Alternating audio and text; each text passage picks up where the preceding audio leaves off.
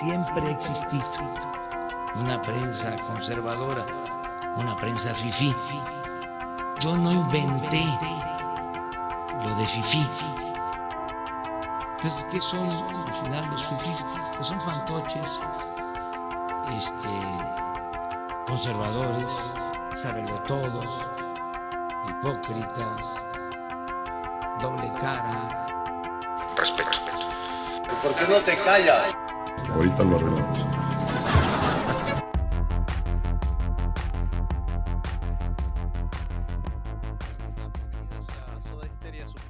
Este, hispanista reaccionario, antinazi, reaccionario, anticomunista, anti todo, eh, católico hispanista, básicamente somos nosotros acá. Eh, bueno, X, todo su podcast, esto que acabo de decir favorito. Este, hoy les traemos un tema bastante interesante, especial.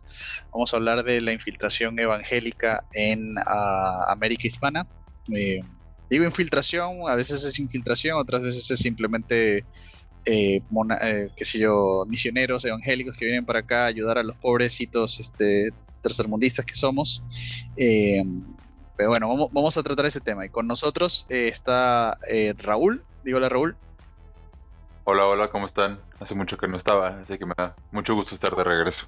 Sí, bueno, te dio el, el, SIDA necrótico del COVID y pues tuviste. No, mentira, no le dio eso, pero sí estaba ocupado. estaba ocupado con su vida. Eh, hasta hace un segundo estaba Taipiré, pero se fue. Supongo que el, internet boliviano este, le falló otra vez. Hizo de las suyas. aquí está, regresó. Hola, Taipire, justo te estaba presentando y te había sido. Ya, se puede saludar. Hola, saludos desde Santa Cruz. Perdón, estaba ajustando el audio y se me, se me bloqueó el programa. Nada, nada, esto, es internet indígena de, Bolivia. Eh, y bueno, nuestro invitado especial de hoy es este Rodrigo. Eh, yo voy a dejar que él se presente para que, para que suelte su currículum y, su experticia en el tema y él nos va a venir a hablar de...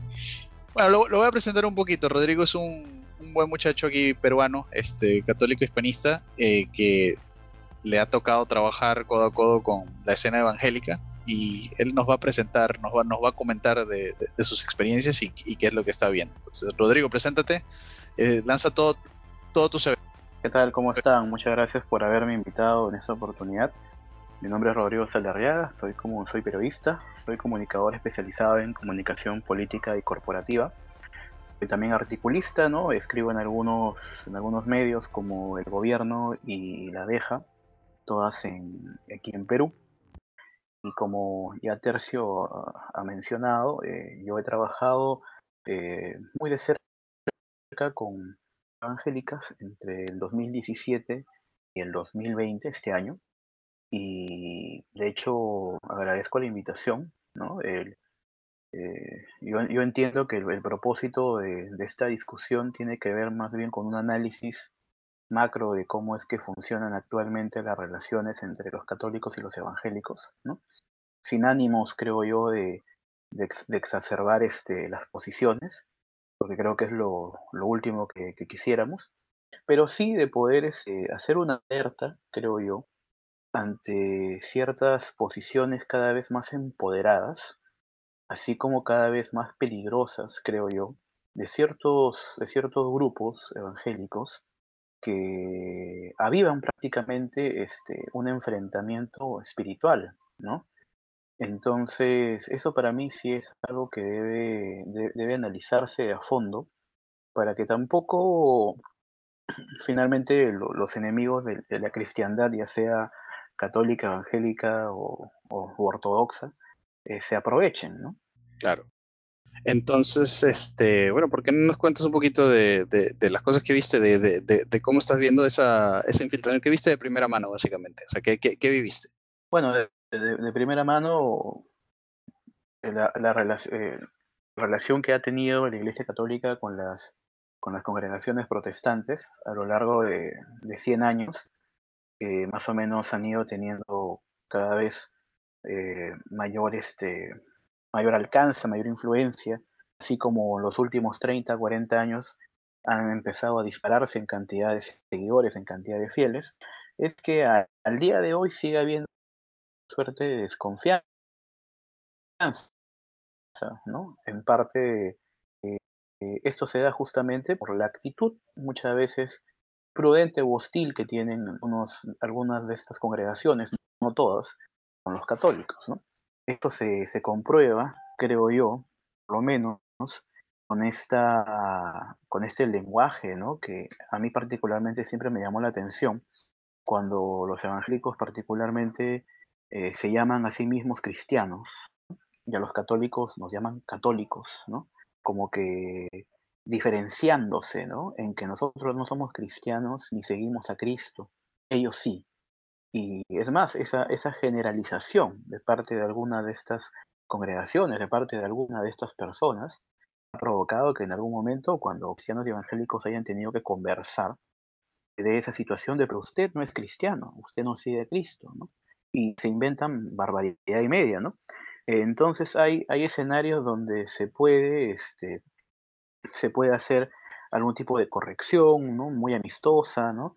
Eh, así como también han habido situaciones en las que, de, de hecho, eh, nosotros sabemos perfectamente que cada vez es más fuerte, justamente, tanto por la, tanto por la, tanto por la intolerancia, tanto por la intolerancia de los, tanto por la intolerancia de los, este, de los progresistas como de esta máquina evangélicas que este que aparezcan las, las agrupaciones tradicionalistas o, in, o, integristas del catolicismo, se reaccionan pues con, creo, un poco de justificada indignación, ¿no? Claro.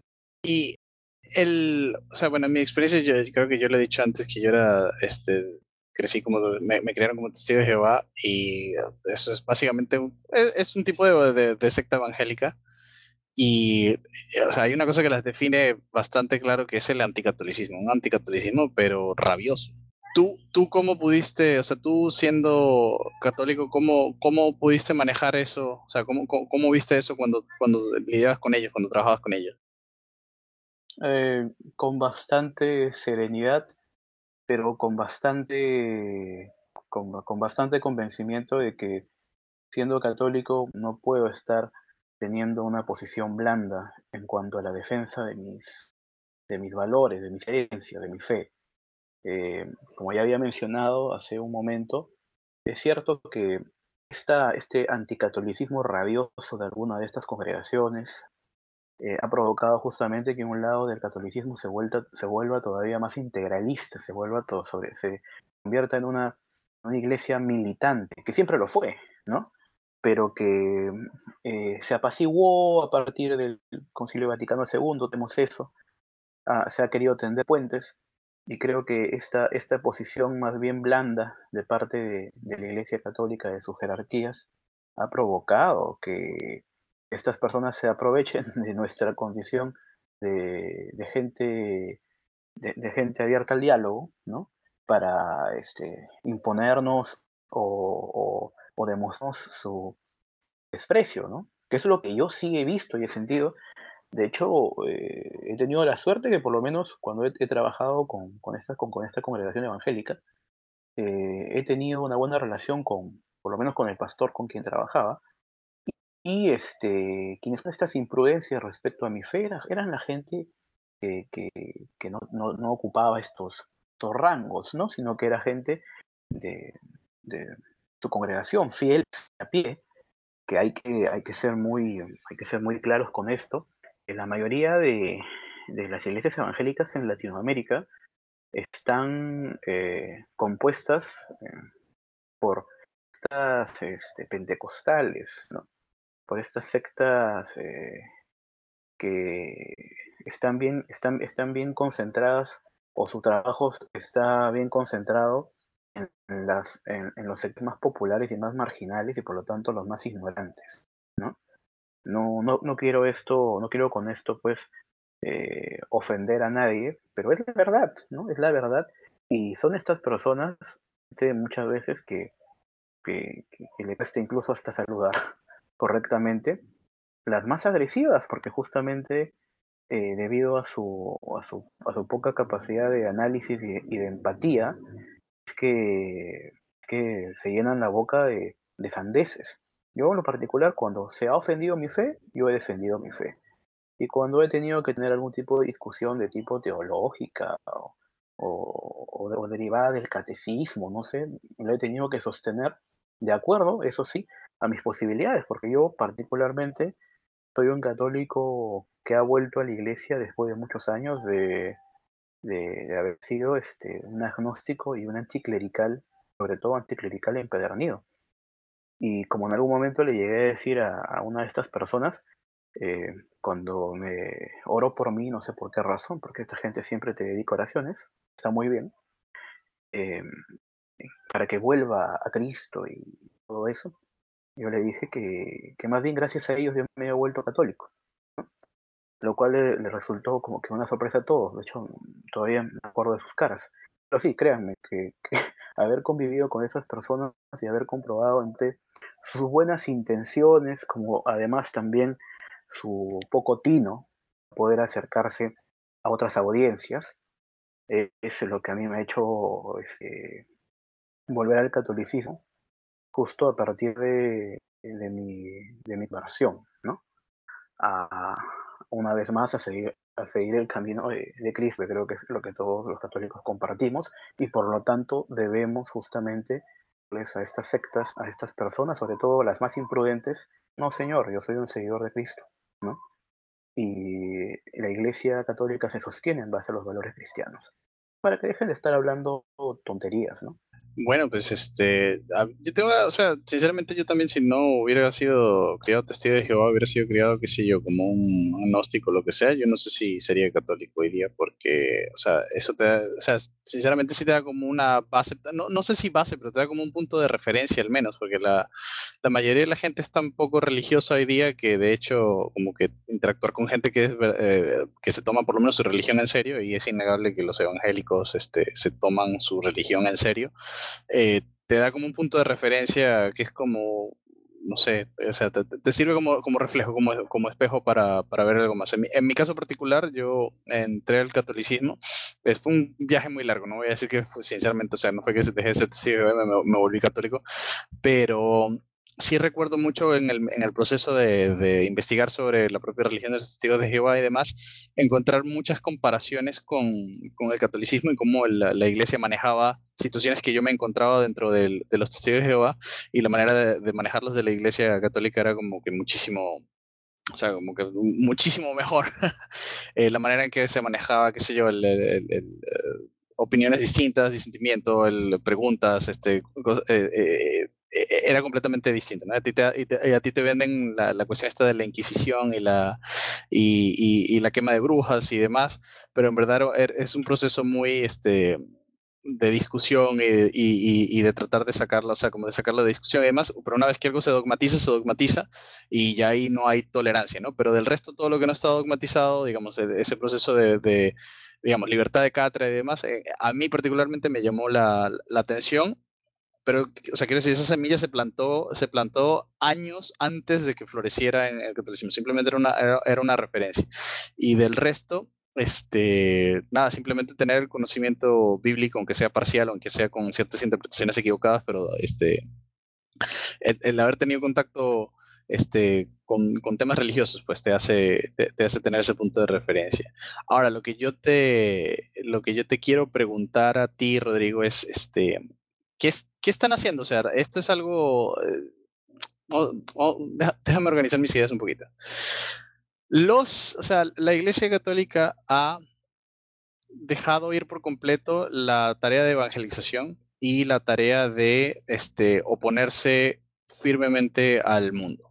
O sea, no es, o sea, no estoy diciendo que la, que la, iglesia haya, haya, saltado y esté, sabes, en, conjunto con el mundo, lo que sea, pero esa infiltración, todo lo que nosotros conocemos, este, todo lo que los católicos tradicionales este, conocemos que ha sucedido desde los años 60 y todo esto, lo que ha llevado es que básicamente la, la, iglesia simplemente han, o sea, como que no existe, por decirlo así, o sea, como que tú no la ves, tú no, o sea, sí existe, pero tú no ves esa labor de evangelización, este, de, de ir a, de ir a formar una comunidad con la gente, de ir a, a digamos, ayudar al, al pobre, pero, o sea, más allá de la manera transaccional de proveerle algo, sino de como crear una comunidad, de, de, traerlo hacia la iglesia, este, de, de, arroparlo, de cubrirlo completamente así. O sea, la, la, labor este, caritativa de la iglesia nunca se ha detenido, pero es, ha quedado como una ONG, o sea, solamente es la labor caritativa. Es, o sea, el, el fuego evangélico, o sea, de la evangelización,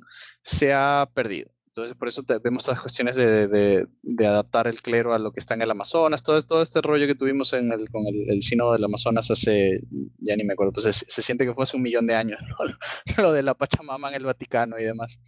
Em, entonces, toda esta, o sea, la, Iglesia Católica no está peleando este, contra el, el, lobby LGBT, contra el aborto, todo esto. O sea, caramba, me estoy expresando mal. O sea, sí lo hace, pero no, o sea, lo hace como otra ONG, o sea, no es la iglesia, digamos, interponiéndose diciendo como que no pasarán, o sea, es como que Cristo, viva Cristo Rey, ese tipo de cosas así que, que, que, nosotros esperaríamos que debería, debería estar pasando ahorita más, más que nunca, pues no se está dando, es todo como muy pasivo, muy aguado, eh, muy tibio.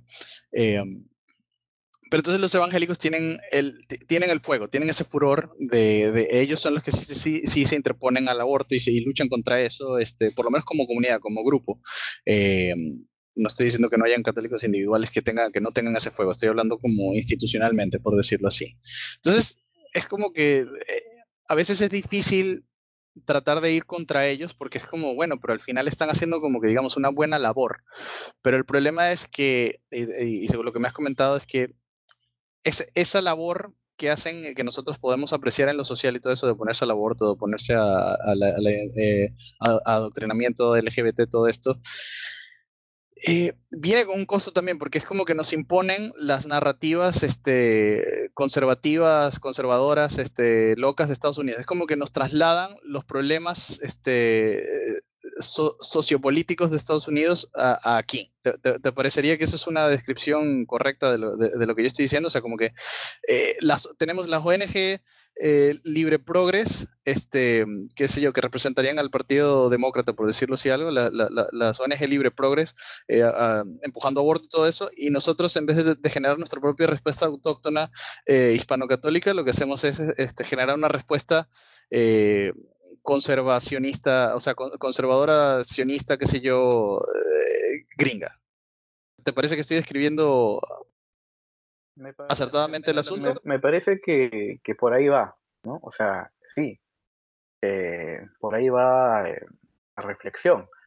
O sea, de hecho algunas personas podrían considerarlo una suerte de disparate, pero no es ningún disparate preocuparnos por la injerencia que puedan tener algunas organizaciones eh, extranjeras, así como nos preocupan la, injerencia de organizaciones extranjeras que son las que financian, por ejemplo, el tema del aborto o la ideología de género, ¿no?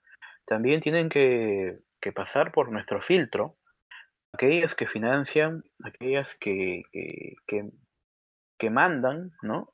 A estas organizaciones religiosas que por más buenas intenciones que en la práctica tienen, ¿no?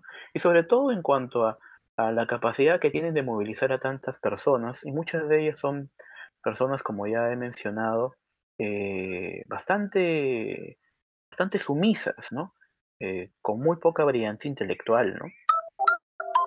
Entonces, lo que provoca eso justamente es que todas estas personas, cuando se movilizan, lo hacen por una, lo, lo, hacen, lo hacen por una, por una buena causa, ¿no? Pero sí. a lo que yo voy es que eh, es cierto, no es que ellos han trasladado un problema eh, de los Estados Unidos a nuestro país. De hecho, lo que estamos viendo es que estos problemas en, en torno a la, a la guerra cultural se ven en todas partes del mundo Solo que en nuestro país la Iglesia Católica eh, ya no es partícipe, ya no es protagonista de la defensa de la fe y de la moral cristiana, así como tampoco el catolicismo como fuente eh, espiritual, ¿no? Eh, es, la, que inspira a, los católicos a salir a las calles, a, manifestarse. Ya, no, ya no existe eso. El catolicismo pasado a ser una, una cuestión estrictamente cultural, ¿no? De hecho, de ahí que muchas personas se, se llamen a sí mismas católicos culturales. Y cada vez lo, lo, vemos, lo vemos más seguido en ciertas, en ciertas, en ciertos manifiestos o en, en ciertas, en ciertas este, ciertos intercambios, ¿no? En Twitter, ¿no? Digamos, o en redes sociales, que finalmente son las tribunas en las que muchos interactúan, y se va a seguir todavía interactuando más a partir de la situación en la que estamos todos encerrados. Entonces, este, lo que pasa es que los evangélicos eh, finalmente no se van a sentir jamás identificados con, un, con, un, con una iglesia peruana, porque la iglesia peruana es católica, ¿no? Entonces ahí corre el riesgo de que estas sectas respondan finalmente a intereses extranjeros, muchas veces de los Estados Unidos, por ejemplo, pero últimamente, y eso hay que también tomarlo, tomarlo con pinzas, a Brasil, por ejemplo, ¿no? Eh, yo entiendo que, como el, eh, por ejemplo el Perú, ¿no? de, de, de, donde yo soy, eh, o por ejemplo países como Paraguay o, o Bolivia, ¿no? o Ecuador, que son más bien periféricos ¿no? en, el escenario global, no estamos muy acostumbrados a, dar un vistazo de lo que es la política exterior o la geopolítica, ¿no? Y entonces estamos ensimismados en nuestras políticas domésticas y en nuestros pleitos domésticos. Entonces Brasil es un país inmenso, es un país muy poderoso en, Sudamérica y eh, eh, según cifras, su, su población evangélica cada vez es mayor, ¿no? Hoy actualmente tiene un presidente que si bien este, es bautizado como católico, hecho apostasía, ¿no? Y, tiene un gran, un gran este, público evangélico. Y, y, finalmente, así como Odebrecht se, se inmiscuyó y terminó este, metiéndose en, en, en, tantos sitios, en tantos bolsillos, bien podrían, ¿no? Este, estas, este nuevo gobierno de Bolsonaro y sus satélites controlar nuestra política a través de nuevos actores, por ejemplo, algunas sectas. ¿no? Eso ha pasado mucho con los Estados Unidos a, lo, largo de, todos estos años. ¿no? Las sectas eh, muy familiarizadas con, con, el Partido Republicano, ¿no? muy familiarizadas con este, las grandes este, iglesias estas este, enormes, ¿no? que son como coliseos, ¿no? El propio Mike Pence, por ejemplo, ¿no? vicepresidente de Trump evangélico, ¿no?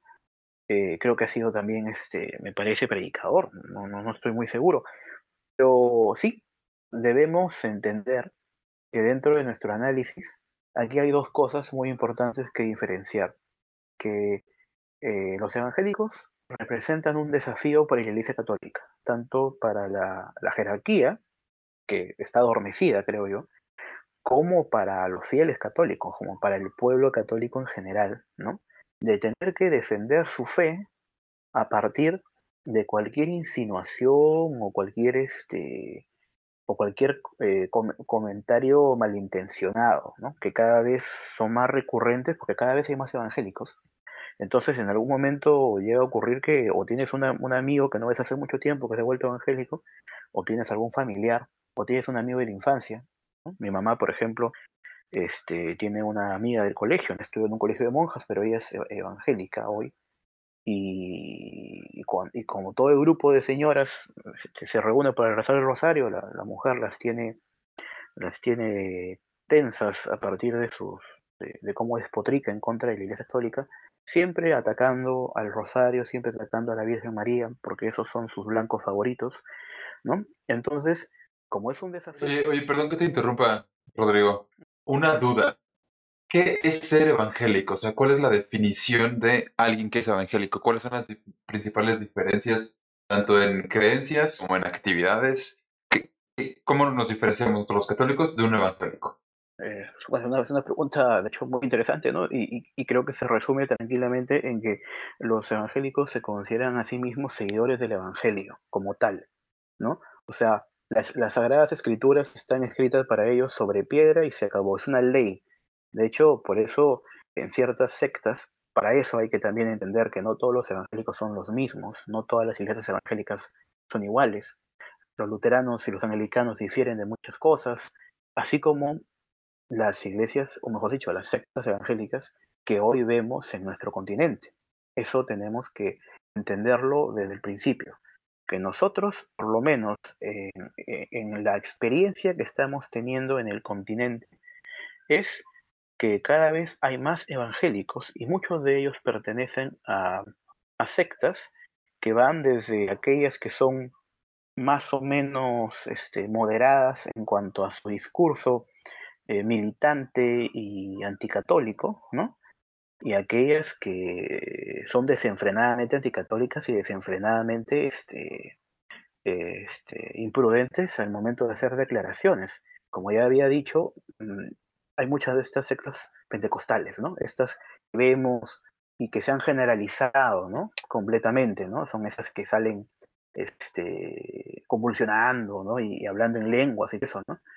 Entonces, este, los, los evangélicos de por sí es que se dicen seguidores del evangélico, mientras, mientras los católicos no somos seguidores del evangélico, del evangelio, sino que somos seguidores de otras cosas que no están dentro de las escrituras, ¿no? Como por ejemplo el culto a la Virgen María o, la veneración a los santos o, o, por ejemplo el, el, tema mismo del que no reconocen al Papa, ¿no? Eso viene desde la, desde la Reforma, ¿no? Entonces, este, eso es lo que nos diferencia, pero lo cierto es que una mayor cantidad de evangélicos que vienen de estas sectas, que vienen de estas, de estas congregaciones fundamentalistas, ¿no? Muy de los Estados Unidos, porque de los Estados Unidos, la mayoría de, estos pastores este, que, que, que, este, que nosotros, este, nuestro continente eh, vemos, un y calco eh, del, del, típico, típico pastor, el, típico pastor norteamericano del Midwest, ¿no?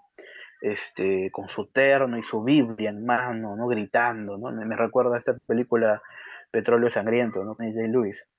¿no? Y este y de hecho ese es el calco que se ha repetido en, nuestro, en nuestros países. Parece muy, me parece, no me parece poca coincidencia que los principales pastores de habla hispana vengan de países muy cercanos a los Estados Unidos, como lo son Puerto Rico, ¿no? O como los, lo es El Salvador, ¿no? Invadido, ¿no? Por los Estados Unidos, o lo es Cuba, que estuvo sometida a, la bota yankee finalmente hasta que Castro ¿no? Y son estos los que se han por Colombia, por Perú, por Bolivia, por Chile, por Brasil, por ejemplo, donde hay tanta cantidad de evangélicos, ¿no? Tienen hasta una bancada, ¿no? La bancada de la Biblia, le dicen, ¿no? Entonces, es eso, nos diferenciamos en eso. Los católicos no solamente seguimos eh, el, evangelio, ¿no? Que además eh, seguimos la tradición oral de la católica, ¿no? Y, que se manifiesta no solamente en los evangélicos, en los evangelios, se manifiesta en, los tratados este, patrísticos, se manifiesta en, este, en la teología que, que, viene a nosotros gracias a los padres de la iglesia, ¿no? Ellos desconocen completamente todo eso. Por eso es que este, tienen una teología muy vacía, muy, muy, muy básica, muy este. Muy básica, claro. Muy, muy marginal, ¿no? O sea, es, una, es una teología, una doctrina de no sé, no sé si en sus países se repite aquí en el Perú está el libro Coquito que es un libro de inicial de primaria no para completar oraciones y para este dibujar cosas más o menos es así o sea el tema es que su fanatismo es tal que no hay manera de discutir como una vez tuvimos una conversación con un amigo tuvo que asesorar este políticos evangélicos. Y me dijo, el problema de asesorar a este tipo de personas es que finalmente, a la hora de la hora, el Espíritu Santo se manifestó en la reunión, uno habló en lenguas o el otro habló en nombre del Espíritu Santo, y finalmente el debate ya no, ya no es político o la conversación ya no es política estratégica, sino que se vuelve una, se vuelve una conversación bizantina porque se, se, se traslada todo al campo de la teología e inclusive se traslada a situaciones que en verdad parecerían casi, no quiero, no quiero sonar muy, muy fuerte, pero casi psiquiátrico, ¿no? Y eso es lo que creo yo, este, eh, enfada muchísimo a ciertos grupos evangélicos mucho más moderados que hoy por hoy, y de hecho eso lo he estado viendo esta semana, están intentando como el lugar eh, desligarse completamente de estas personas, porque, eh, como ya mencioné, hay una generalización de este, de este perfil de, evangélico, y eso ha provocado pues, que todo el mundo crea que, que todos los evangélicos son así, y esta gente este, en, terno y faldas largas y, la Biblia en mano, este, gritando y, este, y muchas veces haciendo el ridículo, ¿no? Y este, hay que ser bien, bien claros, creo yo, en eso, ¿no? O sea, están los evangélicos subdivididos, super atomizados, ¿no? Y, este, y nosotros los católicos cada vez más débiles porque estamos en una suerte de, de ablandamiento espiritual pero sobre todo de ablandamiento este, en convicciones de, defensa de nuestra fe, justamente exteriorizándola en el campo social. No, no, no, nos avergonzamos de ello, no, no, no, no lo queremos manifestar, ¿no? Y eso es malo. Ya, este, Raúl, ¿te quiere usted iban a decir algo?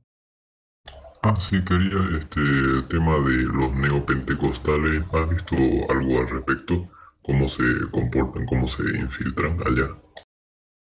Espera, espera, espera, espera, Yo quería decir algo antes de, antes de que respondas eso, este, retomando un poquito la pregunta de, Raúl y para hacer una pequeña acotación a la respuesta de, de, Rodrigo sobre lo que qué son los evangélicos. O sea, los evangélicos, como bien dice Rodrigo, son diversos, no son un grupo monolítico gigantesco de que todos son iguales, pero básicamente son protestantes, eh, lo que se llaman, de, no, sabría si esto se puede traducir en español low church, o sea, como de, son protestantes de eh, iglesia baja, o sea, como que tú vas a sus templos y sus iglesias y es como, o sea, fácil, fácil un centro de reuniones, este, un centro, un, una, un conjunto de oficinas, un centro de oficinas es es su iglesia.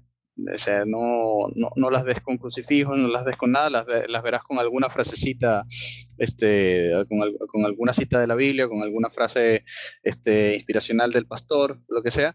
Eh, pero eh, o sea, estoy hablando de más o menos lo que recibimos aquí en, en, Hispanoamérica, de los que estamos hablando en general, porque en, a Hispanoamérica no están viniendo luteranos ni, ni, anglicanos, una cosa así, para, para colonizarnos. Es el tipo, lo, lo, que dijo Rodrigo específicamente, ese tipo de, como de mm, cristiano, eh, este, como que fundamentalista fanático de la, de, de la Biblia como tal, o sea, cree que algunos incluso caen en, la, en idolatrar a la Biblia este, eso, eso, de hecho es, una, es, un caso bien particular de que hay sectas evangélicas que, que, elevan tanto la, la, Biblia que la, la idolatran, ¿no? Entonces se vuelve este, un punto de, específicamente la, la, versión del rey eh, James, del rey, del rey Jaime, este, rey Jaimito, eh, la, la, adoran, creen que, eh, creen que literalmente es, o sea, como la palabra de Dios, o sea, pero literalmente, o sea, no, no sé cómo explicarlo, o sea, lo único que, o sea, para, para explicarlo solamente qué es, o sea, idolatrar la Biblia, ¿no? Ya la, la, Biblia no es simplemente una guía o la palabra de Dios, una cosa así que hay que tener en consideración, que es la revelación de Él, entonces toda verdad debe ser consona con lo que aparece en la Biblia, etcétera. No, es, es, es básicamente como que de cierta manera sustituyen este, a Dios como tal con, con la Biblia, esos son casos extremos, ¿no? Pero va por ahí, o sea, es es, ese tipo de gente que, mm, que son como abogados de la Biblia, básicamente, que es así como que simplemente eh, todo lo que creen es, es, lo que dice la Biblia, no, no, no, puedes argumentar nada que esté fuera de la Biblia, no hay lógica que se les aplique, sino simplemente es, este, la Biblia dice esto, pero ni siquiera es la Biblia dice esto, o sea, mi interpretación de la Biblia dice esto. Entonces, lo que sucede es que muchas veces, o sea, otra de las características justamente por esto es que eh, pasa una cosa que pasa cuando, cuando cuando tienes este problema de, que crees que solamente necesitas la Biblia para, para entender eh, la voluntad de Dios y demás, y no necesitas nada más, pues que llegan estos señores y leen la Biblia y creen que vino el Espíritu Santo y los, este, los inspiró y que ellos tienen la interpretación correcta y verdadera de la Biblia, entonces fundan su propia iglesia y entonces es, eh, todo gira, es como un caudillismo este, cristiano, por decirlo así. Y eso es algo eh, um, que sucede mucho aquí en Hispanoamérica y además de eso tenemos este, sectas un poquito más este, eh, establecidas que vienen de, de este tipo de, de, del Midwest, del, del medio oeste eh, yankee, eh, que son estos pastores, y también del sur un poco, que, que son este, unos pastores que hicieron lo que ya dije, pero su iglesia quedó un poquito más fundamentada, tienen un par de, qué sé yo, 100 años, 200 años la iglesia o algo así, entonces como que abren su franquicia a, acá, ¿no? Entonces, los testigos de Jehová, por ejemplo, es, es eso. Es, la franquicia de los testigos de Jehová en Perú, la franquicia de los testigos de Jehová, de Jehová en, en, México. Entonces, es este tipo de personas este, que tú ves de que se burlan que, los que no son católicos y demás este, asocian con el cristianismo y son los que se burlan de ellos pensando que, que, todos somos así o que todo el cristianismo es así, de la gente que se la pasa leyendo, que, que creen que el cristianismo es leer, leer la Biblia todo el tiempo y que tienes que creer que el, qué sé yo, que el Dios creó el mundo en seis días literalmente, que puede ser que haya sido así, ¿no? Pero no, pero es, este, es, este tipo de creencias locas que, que, que son siempre el, el, objeto de burla, ahí más o menos, o sea, eso generalmente, eso es lo que sale de, de, ese tipo de, evangélicos, porque es el gente que no tiene, qué sé yo, gente que lee la Biblia y, y, y interpreta lo que le da la gana y no busca o sea, no tiene ningún otro apoyo ni filosófico, ni teológico, ni histórico, ni nada, y simplemente es como que, ah, bueno, el pastor dijo esto y luego van adecuando, como que, mira, el pastor dijo esto y, bueno, eh, qué sé yo, leí un artículo científico que más o menos va con lo que, la interpretación del Génesis de el pastor. Entonces, eh, selecciona con pinzas ese tipo de información para, para justificar su, su, Y así van, así van. Entonces, este, tam, también está la... Hay, distintos tipos de, de, sectas evangélicas, algunos, la, mayoría diría yo, se enfocan en que llega el apocalipsis, siempre está a punto de venir el, el, el Armagedón, el apocalipsis, ellos tienen la interpretación específica de, de, cómo saben eso, de que, cuáles son las señales, etcétera, etcétera. Entonces siempre hay como esta... Este impulso, ¿no? Este fuego de, de uh, obtener conversos y, y, hablar con la gente y, y predicarle a la gente. Eh, entonces, si tienen estas mega iglesias y, eso, ese tipo de cosas, ese tipo de como de, de, de, de cristianismo carismático, etcétera, es lo que es lo que llamamos generalmente, es a lo que nos referimos más o menos cuando hablamos de evangelismo este, de, los evangélicos. No estamos hablando necesariamente de los luteranos o de los calvinistas, que yo realmente no debe haber, pero eh, calvinistas hispanos debe, deben existir, pero muy pocos, pues no hay una iglesia calvinista por, por, aquí que esté causando estragos. Son, son ese tipo de, de caudillos, básicamente, de, de caudillos este, cristianos. We will now have a short intermission. This is a perfect time to visit with your phone inside the lobby area and announce to all of your many internet friends about how wonderful.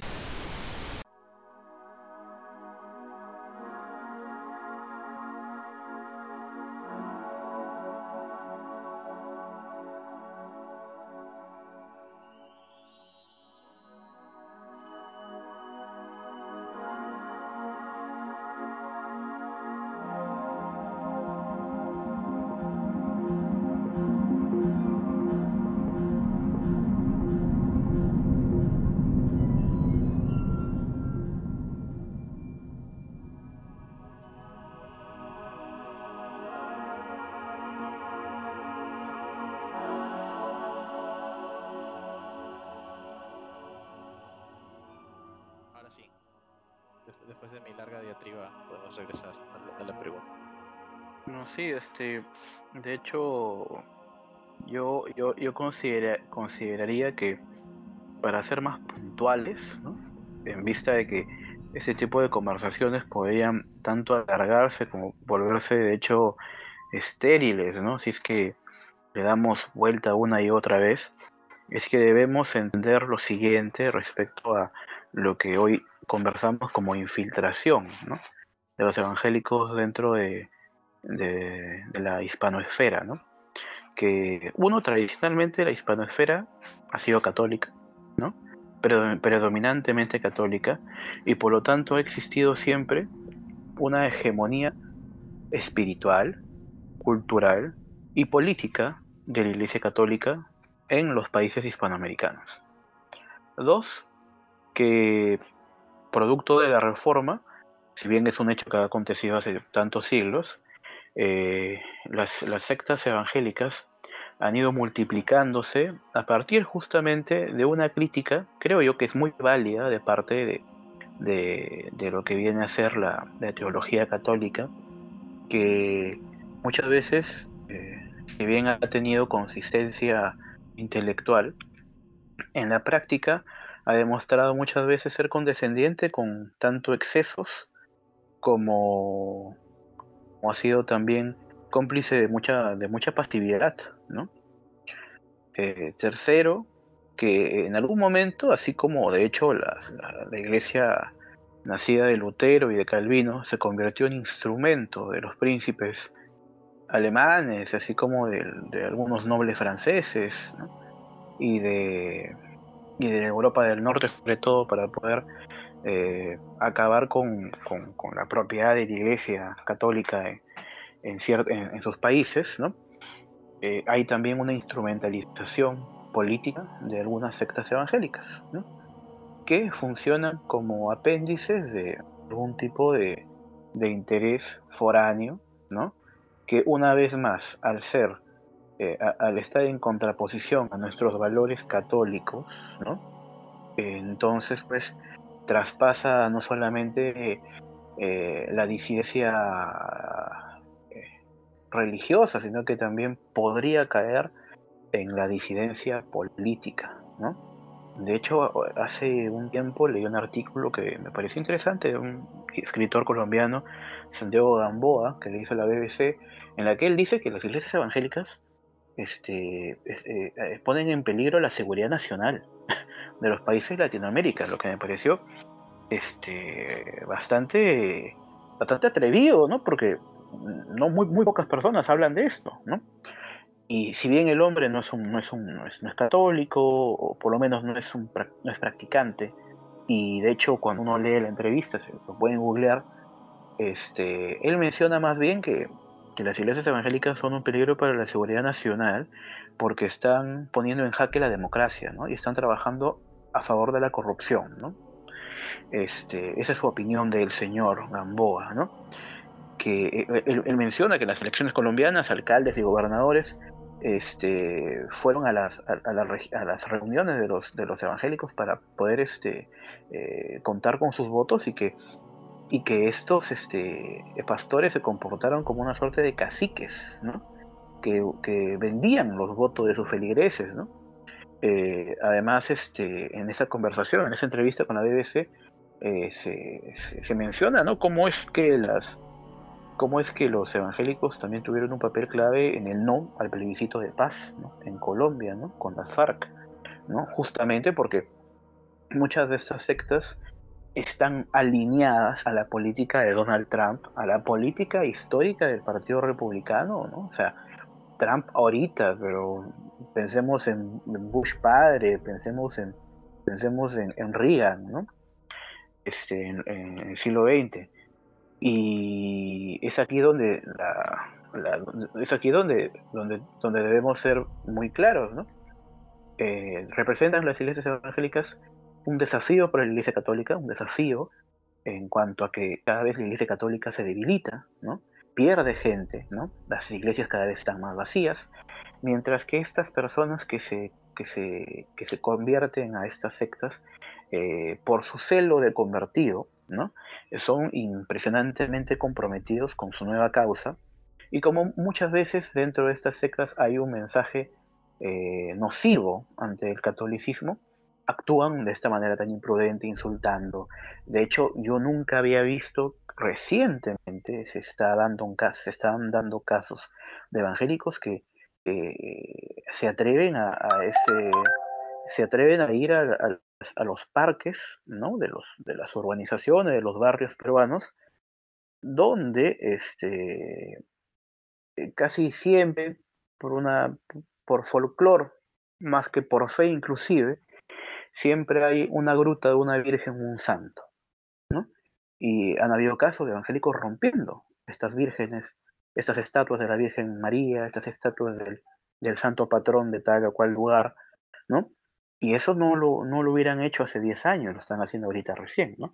Entonces hay un empoderamiento, un empoderamiento que resulta en un desafío ante la Iglesia Católica, un desafío ante la fe de las personas que tienen que ser firmes en sus convicciones y defender su fe.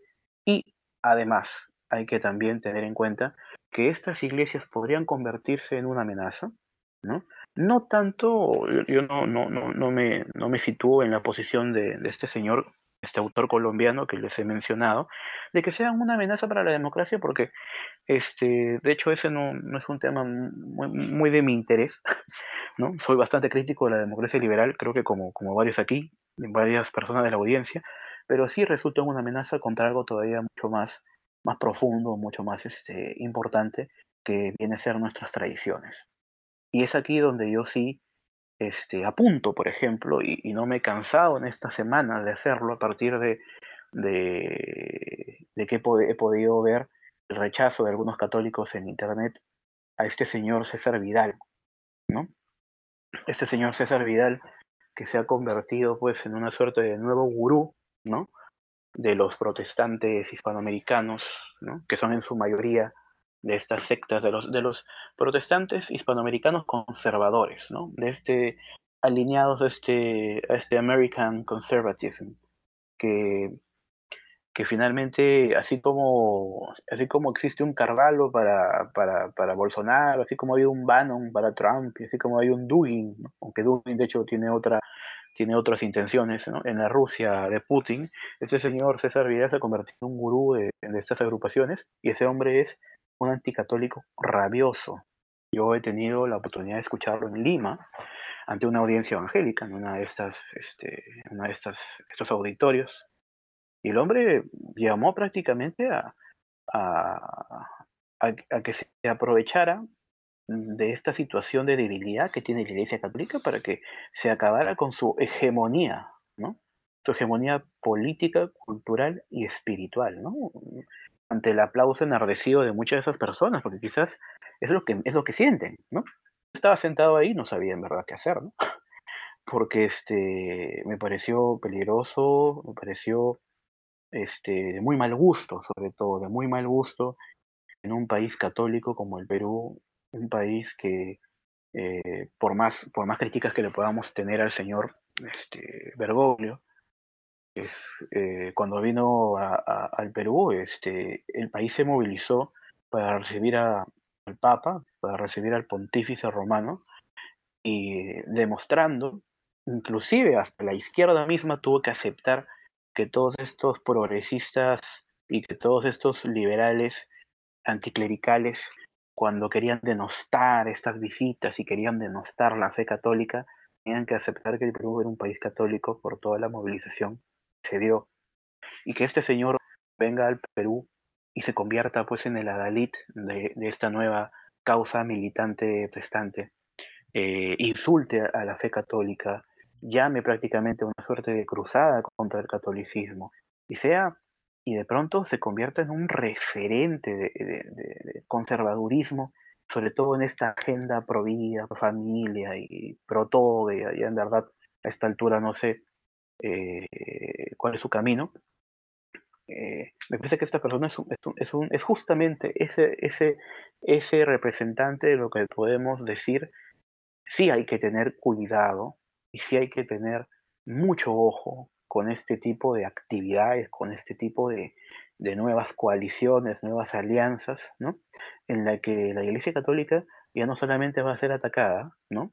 por, por, los anticlericales de siempre, que usualmente son los ultraliberales este, o los ateos del que, que, provienen del marxismo, ¿no? sino que a su vez va a ser atacada este, por estas este, sectas que bien se apoyan de la Iglesia Católica para poder salir en marchas como con mis hijos no te metas o que se o, este o en marchas como la marcha por la vida una marcha liderada por la Iglesia Católica muchos años y hoy este eh, convertida pues en un fantoche a partir del nuevo obispo que tenemos, que es un obispo progre, alineado Francisco, y que no quiere ya hacer este tipo de manifestaciones, presionado por la agenda LGTB y la agenda abortista. Pero lo cierto es que los evangélicos están muy tranquilos, eh, eh, en público dándonos la mano, mejor dicho, estos evangélicos y estos seguidores de, de César Vidal, ¿no? Dándonos la mano en público y, guardándose la piedra para cualquier momento echárnosla, ¿no? Sobre todo porque advertimos que, estas sectas tienen un lenguaje anticatólico fulminante, un, este, una actitud anticatólica que nosotros no tenemos por qué, por qué permitir que se nos este que se nos este que se nos trate como no cristianos o nos trate como apestados espirituales, ¿no? Y que, y que y más bien somos los católicos los que estamos temerosos de, de no este de no este de no ofenderles, ¿no? El año pasado organizé un evento en, que tuve que hacerlo en una tuvimos que hacerlo en una capilla, ¿no? y asistió público evangélico. Yo trabajaba con esta congregación evangélica, me pidieron que, que haga la convocatoria ahí para que se pudiera ver esta unidad de cristianos. Y lo primero que un evangélico sugirió, muy atrevido, es que retiraran la imagen de la Virgen ¿no? del auditorio. Obviamente un, un, abogado católico, a quien admiro yo mucho, eh, fue bastante firme, decir que no pienso retirar a la, a la madre de mi señor, ¿no? de este auditorio, porque este auditorio es un auditorio católico. Si los señores evangélicos quieren venir aquí y se sienten ofendidos por eso, ¿no? Pues están comportándose como pobres. ¿no? Me gustó eso. Hay, que ser así. Hay que ser así. Yo tengo bastantes amistades por el trabajo que, que, que he hecho, que son, son evangélicos, y cuando han tenido algún tipo de comentario imprudente, algún tipo de comentario eh, me gustó, yo, yo he sido bastante severo he sido bastante severo. Y yo creo que nosotros tenemos que ser así. No podemos tener ya más medias tintas con estas personas, porque por más buenas intenciones que tengan, por más cristianos que sean y todo, finalmente están al otro lado de la vereda. ¿no? De, y inevitablemente, si en algún momento dejamos de tener este enemigo común, que son los, los globalistas anti, anticristianos, es muy probable que nos miren a nosotros como sus nuevos como sus nuevos enemigos, ¿no? Porque ellos son los que tienen más bien estas sectas fundamentalistas, son las que tienen más bien esta actitud, ¿no? De vernos como, como un obstáculo. Hablo en, no, no hablo de que todos los evangélicos sean así, pero estas sectas, ¿no? De origen norteamericano, influidas por esta política norteamericana, bien podrían convertirse en una amenaza para la cultura eh, católica de los pueblos hispanoamericanos y para la hispanidad misma, ¿no? No más hay que recordar quiénes fueron los enemigos de la hispanidad, sino los, los, protestantes, ¿no? Los reyes protestantes, los, países protestantes como, como Inglaterra, como Holanda. E, es, es la misma, es ese conflicto no se ha detenido nunca, no, es, es lo mismo ahorita y, poco a poco están tratando de, o sea, porque, a ver, o sea, el, protestantismo sabemos que, por, o sea, que detrás de ello, de, de, del evangelismo, todo eso, sabemos que detrás de eso está Satanás. Entonces, esa, esa movida que empezó hace ya siglos, eso sigue y sigue y sigue, y simplemente es un ataque por todos lados y el, el e, es, es, como dices, o sea, no, no, no, no se ha detenido, pues. Eh, Raúl, Taipiri, ¿ustedes quieren preguntar algo, añadir algo? Bien quizás compartir alguna, alguna anécdota de, de evangélicos en sus países respectivos. Sí, este, bueno, aquí en el, en el tema del neopentecostalismo está, está, es bastante preocupante lo, lo profundo que ha enraizado, ¿no? Porque eh, hace tiempo, por ejemplo, subimos un artículo a Mundo Republiqueto sobre la mansión, que es un centro pentecostal aquí, eh, se hacen llamar católicos carismáticos. Y bueno, eh, la cuestión es que ellos echaron, echaron su, sus raíces aquí en Santa Cruz, la ciudad que es como la Nueva York de, de Bolivia, y el movimiento ganó adeptos muy rápidamente. Este, inició en el 19, en los años 70, ganando adeptos que día de hoy este, no se no se considera entre los católicos una como en su opinión no opinión pública por así decirlo una diferencia entre el neopentecostalismo y el catolicismo normal por así decirlo Em, y bueno, después de, este artículo hace como un mes nos han llegado muchos comentarios negativos, casi todos negativos, me atrevo a decir que el 90-95%. Eso es una muestra de cómo, de cómo ha, ha sido tan, tan aceptada la herejía protestante aquí. Eh, bueno, claro, como dice el dicho, el, camino al, reino del cielo es angosto, ¿no? La, las batallas son duras y vamos a tener que enfrentarnos a un reto enorme aquí, pero, pero ya es lamentable. El punto al que ha llegado. Y, y bueno, en el tema de los dominicos, ahí es donde se han, donde han encontrado el gancho para, para estas cosas. Este, que dicen que ah, la orden de los dominicos acepta al, al neopentecostalismo, entonces los, los, católicos tienen que aceptar, y porque el Papa acepta, y no sé qué cosa, y no sé qué, Juan Pablo II, y, es como que no siempre te hablan allá del Concilio Vaticano II, no sé si es el católico promedio, pero pareciera que estamos bien, bien, bien lobotomizados. Al menos aquí en este país no hay, no hay Fraternidad San Pío X. En otro, en otro donde hay, sí tengo entendido que hay, hay un poquito de, de más conciencia, ¿no? Al menos entre cierta cantidad considerable de ciudadanos.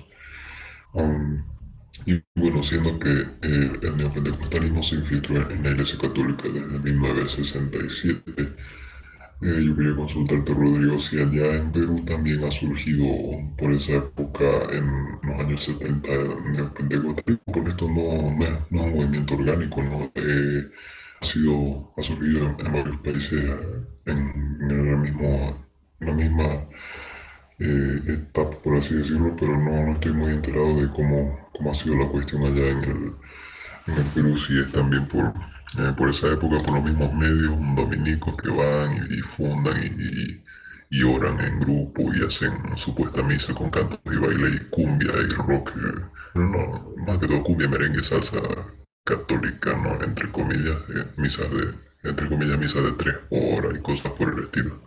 Eso, eso sería.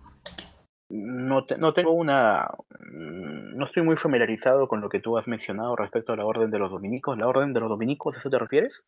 Sí, este, pasa que los, los sacerdotes que vinieron aquí a, a, Bolivia y fundaron este centro carismático son dominicos, ¿no?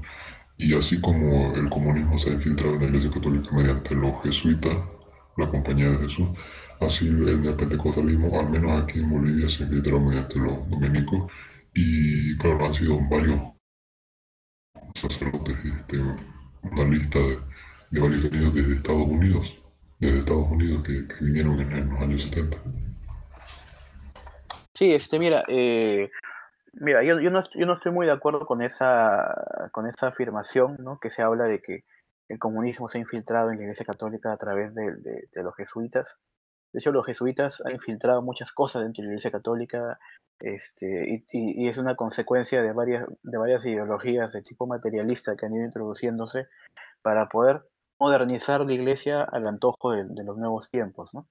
Este, yo, creo, yo creo que si, si, si lo, llevamos directamente al comunismo, como que caemos en una suerte de error muy típico, creo yo, de, de la narrativa norteamericana, que todo lo ve como si viviéramos en la Guerra Fría todavía si bien es cierto que, por ejemplo, hubo, muchos este, sacerdotes que abrazaron el comunismo, abrazaron el marxismo, y muchos de ellos venían sobre todo de este, eh, la Compañía de Jesús, por una razón muy sencilla, la Compañía de Jesús, desde, desde, que se reúne tras su, tras su este, expulsión de, de, varios reinos, de varios países, este, mantuvo una, una posición más bien revanchista contra cualquier tipo de, de, de orden este, monárquico, conservador, mm, fueron muy asiduos con, con, las, este, con las agrupaciones eh, separatistas, con las agrupaciones eh, eh, que provocaron las independencias o que provocaron las revoluciones liberales en Europa y en América. Y, este, y es eso. Eh, eh, la iglesia se ha contaminado de modernismo desde el liberalismo y luego con el comunismo y finalmente con estas decisiones cada vez más grises, cada vez más indefinidas, que no sabemos qué es qué, es qué y es por la misma razón que tampoco no sabemos si es que son comunistas o no son comunistas, o son, o son liberales o no son liberales, porque cada quien está asumiendo unas identidades que son cada vez más difusas. Lo cierto es que eh, en el Perú existen este tipo de congregaciones eh, desde hace muchísimos años, ¿no? Eh, empezaron, eh, em, eh, empezaron con la migración inglesa, con la migración este, norteamericana, que trajeron su religión, eh, al principio muy poco tolerada por parte de la Iglesia Católica, que finalmente era la hegemónica, ¿no? Pero con el tiempo ha, logrado ese, lo- logró saltar todos esos obstáculos y, por ejemplo, esto es una cosa muy importante, uno de los principales educadores del Perú, ¿no? Este, con el arribo de los independentistas, era evangélico, era un escocés. Eh, no recuerdo bien su nombre, pero mien- mientras que este, mientras que conversamos fácil se me viene a la mente, pero lo cierto es que esta conversación, mejor dicho, esta, esta este, situación, que no recuerdo bien cómo se llamaba este señor, eh, era un predicador, este, era un predicador escocés, que de hecho cuando llega al Perú le ponen otro nombre porque este o cambia un poco de apellido, me parece. No, no, no recuerdo bien, pero este lo cierto es que este hombre llega al Perú y se le da justamente una se le da justamente eh, un puesto como profesor de la escuela normal luego que luego que este se da la independencia ya me acordé, se llama Diego Thompson. Creo que se llamaba James, pero le pusieron Diego, ¿no? Era este, era inglés, creo. No, no recuerdo bien si era inglés o escocés, pero era presbiteriano, ¿no? Y eh, él vino con este, él vino a la, al, él vino, él vino a América a través de Buenos Aires, ¿no? A través de Montevideo, ¿no? La ruta atlántica. Realmente, este, pasó por Chile y luego por el Perú, ¿no? Y de hecho San Martín este, le pidió que, que fuera este, el, el enca- Raúl, el me encargado. tengo que ir. Los dejo. Raúl se tiene que retirar. ¿Qué qué? Ra- Raúl se está retirando, se tiene, se tiene que ir. Hasta luego, Raúl. Buenas noches, nos vemos. Ya, conti- continúa, Rodrigo. No sé si esto interrumpe o mejor reinicio. No, eh, reinicia si Ya, quieres. perfecto. Eh, a, partir, a, par- a partir de lo, que, de, lo, de lo que ustedes me comentan, en el Perú, como vamos a, voy a, voy a eh, iniciar mis ideas de nuevo. En el Perú, eh, la presencia evangélica viene con, con, con, con el arribo de, ingleses y norteamericanos, en primer lugar, ¿no? De hecho, eh, para entender lo arraigado que está la participación evangélica en el Perú, habría que remontarse a la llegada en 1822 de Diego Thompson, o James Thompson, que era un predicador escocés, presbiteriano, ¿no? y a quien este, se le encarga la primera escuela normal del Perú.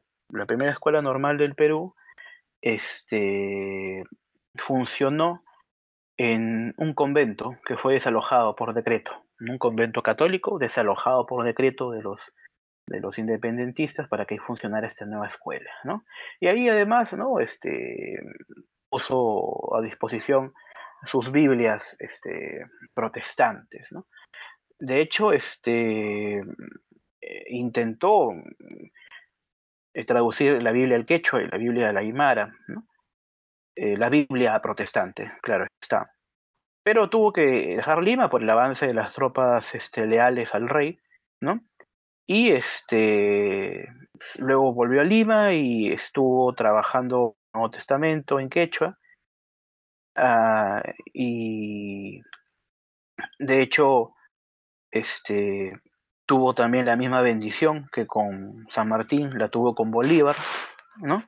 Y así es donde también pasó una nueva etapa en, en Guayaquil, en Quito y en Bogotá, ¿no?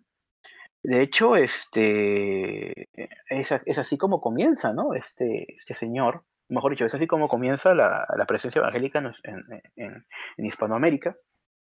Me pareció muy interesante cuando mencionaron a Diego Thompson, un grupo de, evangélicos peruanos, como una suerte de, de, de, por qué los evangélicos tienen, tienen un derecho de piso ganado ¿no?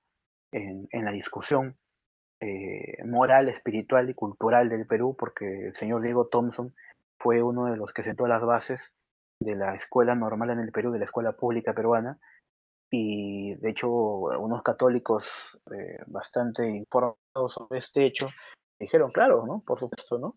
Eh, gracias a, la subversión de, de, San Martín y gracias a, al desalojo de, de, de, propiedad de la Iglesia Católica, ¿no?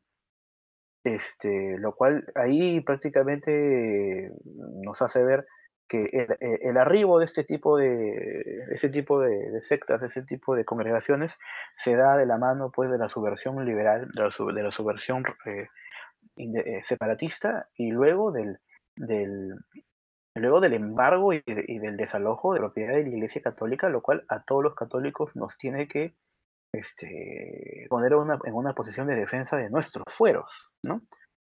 Como he mencionado antes, hay esta actitud condescendiente de que estos señores de estas sectas fundamentalistas tengan, tengan su mensaje anticatólico y este y malintencionado contra nosotros y nosotros estamos como corderitos ahí escuchándoles.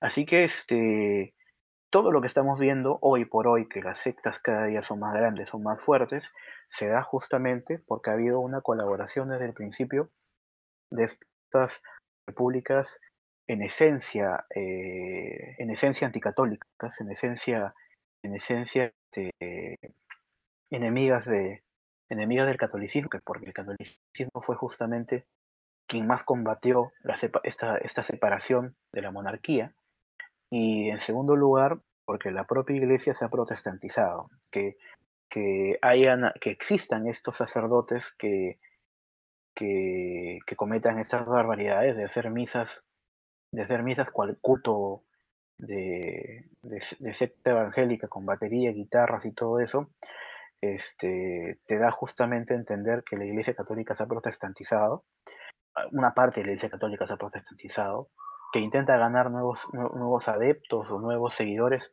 a partir de estas mismas estrategias que utilizan los evangélicos, o mejor dicho, estas sectas evangélicas, y que este eh, y que eso hace, le hace mucho daño le hace mucho daño al catolicismo porque pierde sus formas pierde su, su, su, sus tradiciones ¿no?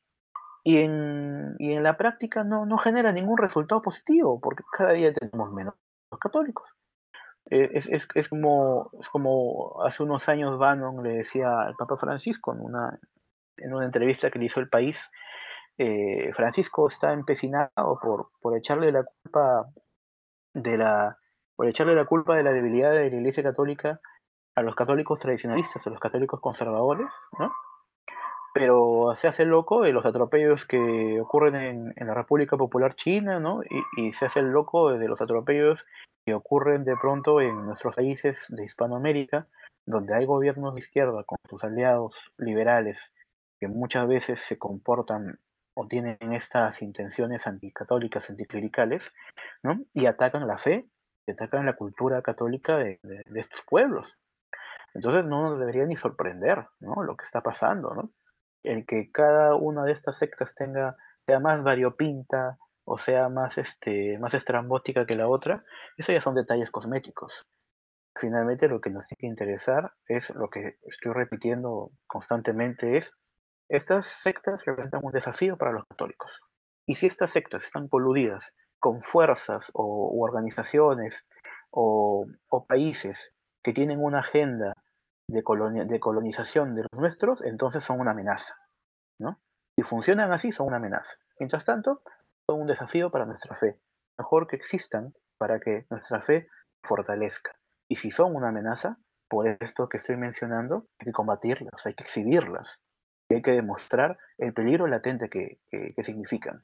Miren nada más, y, con esto eh, me gustaría apuntar algo muy interesante que es los propios progres saben perfectamente que los evangélicos son o pueden convertirse en una amenaza.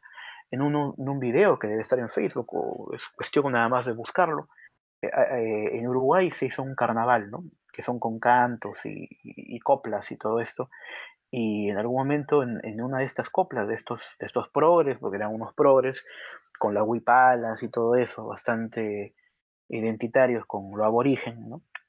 decían para cuidarnos de los, de los, de los tiranos evangelistas de Donald Trump, ¿no? Obviamente ahí haciendo alusión a, al señor Bolsonaro, ¿no? A, algunos presidentes que deben estar apareciendo en países como Costa Rica o Guatemala, ¿no? Este, a la misma presidenta de Bolivia, ¿no? Que es muy cercana a este tipo de, de, sectas, ¿no? Y entonces ahí vemos, y los progres, que usualmente no son personas muy brillantes, que digamos, pero sí son muy defensoras del autóctono, ¿no? Y en eso, en eso por lo menos la derecha liberal, que tan, tan, tan, tanto quiere combatir a los, a los progresistas, ha perdido en la defensa de lo, en la defensa de la cultura y en la defensa de las tradiciones de los pueblos hispanoamericanos. Los progres, todo lo contrario, defienden y saben que a través de este tipo de sectas, de este tipo de organizaciones, que bien podría infiltrarse la posibilidad de un tipo de colonización. ¿no? Entonces, los católicos, católicos tradicionalistas, por lo menos, entienden que eso está pasando porque son muy, muy celosos de su fe y son muy celosos de que hayan estas personas que eh, en lo general son hostiles hacia el catolicismo y por lo tanto hay que ser hay que ser hay que ser este muy este, consistentes en la defensa de nuestros principios. ¿no? Pero más allá de eso no hay ninguna acción, no veo ningún tipo de, de frente eh, intelectual o apologético ¿no? Que defienda la fe católica ante cualquiera de estos, escenarios. A ver, pues este, pues para eso estamos nosotros poco a poco ya, o sea, me, parece fantástica tu reflexión. Y sobre eso último, y creo que para concluir, porque ya llevamos una hora y pico, es que esta es la labor que nos toca a nosotros, porque nos toca a nosotros los, ¿cómo se dice? Los, los legos, los, no los laicos, los legos.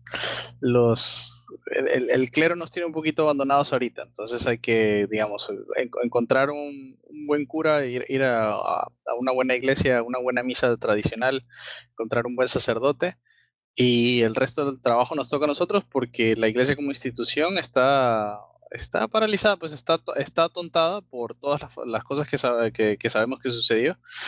Y va a tomar todavía un, un, poco de tiempo antes de que pase, pase esta tormenta de todos estos este, seminaristas que, ¿sabes? Que, que, que, entraron en esa etapa de los 60, de los, de los 70, etcétera, y que se van a ir saliendo poco a poco, nos toca a nosotros es plantear esa, esa defensa que dices. Entonces, eh, para eso también es parte de la iniciativa de Mundo Republiqueto y de, y de tantas otras páginas, este, tanto catolicistas este, como, o católicas como hispanistas que están, que están surgiendo poco a poco. Entonces, resistir es lo que nos toca, re, re, resistir. Sí, entonces, este, bueno, te quería agradecer mucho, Rodrigo, por venir. Este, a Taipiré también, Raúl ya se, ya se fue.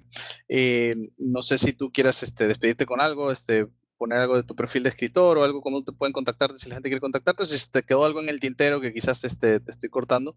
Eh, bueno, en realidad no, no mucho, simplemente este, eh, quien, quien, quiera seguirme en Twitter me, me encuentra como arroba salva, ¿no? Eh, eso es uno, por ahí podemos intercambiar más, más, opiniones. De hecho, en Twitter se aprende mucho si es que te escapas a toda la porquería que y a todos los vómitos, ¿no? Que, que, que más que, que, opiniones son vómitos, creo yo, de algunas personas. Eh, escribo en, en, en, el diario El Gobierno, es un diario, es un diario peruano, ¿no? Eh, digital, tengo una columna, de hecho, si bien mi análisis es, es, de comunicación política y comunicación corporativa, me dedico a hacer otro tipo de, de comentarios. Eh, yo estoy seguro que cada vez va a haber una actitud más responsable, más informada y sobre todo más decidida ¿no? de, los, de los católicos de todo el continente y de todo el mundo, en verdad, de poder defender su fe con, a través de, a, través no solamente de, la lectura de, los evangelios, a través de la, del conocimiento de la tradición católica y además este con mucha con mucha empatía, con mucho este con mucho razonamiento y sobre todo con mucha humildad, porque no debemos caer tampoco en, en esa, no podemos justificar a los otros de llamarnos inquisidores, ¿no? Ese no es el mensaje que debemos transmitirles, pero hay que ser muy, hay que ser muy consistentes en la defensa de nuestra fe. Espero que así, así se dé y hay que estar alerta ante cualquier tipo de situación que justamente exceda a esto que yo sigo repitiendo. Si es un desafío lo que tenemos, y este, se trata de una amenaza directa contra nuestra cultura, contra nuestras tradiciones, que denunciarlo. Pero sobre todo, como dice un, este, un autor peruano, católico, si bien no es de nuestra línea, es más, podríamos tener hasta muchas divergencias, del doctor Pérez Guadalupe, él, dijo en una, ocasión frente a un público católico respecto a este tema, ¿no? Los católicos estamos preocupados un poco por el avance de los evangélicos, ¿no? Este, es una preocupación general. Él dijo algo que me pareció muy cierto, los católicos tienen que ser, tienen que ser conversos, ¿no? Este, convencidos, comprometidos. Me pareció una de las cosas más simples y más este, concisas que cualquier autor o cualquier persona me haya podido haber dicho antes sobre mi fe. Yo creo que ese es el camino que hay que tener. Es excelente, con esa conclusión creo que un excelente punto para cortar. Vámonos con eso. Muchas gracias por venir, Rodrigo. Y Taipre y Raúl y todos los y gracias y gracias a todos por escuchar. Muchas gracias, Tercio. Muchas gracias. Rodrigo, muy interesante.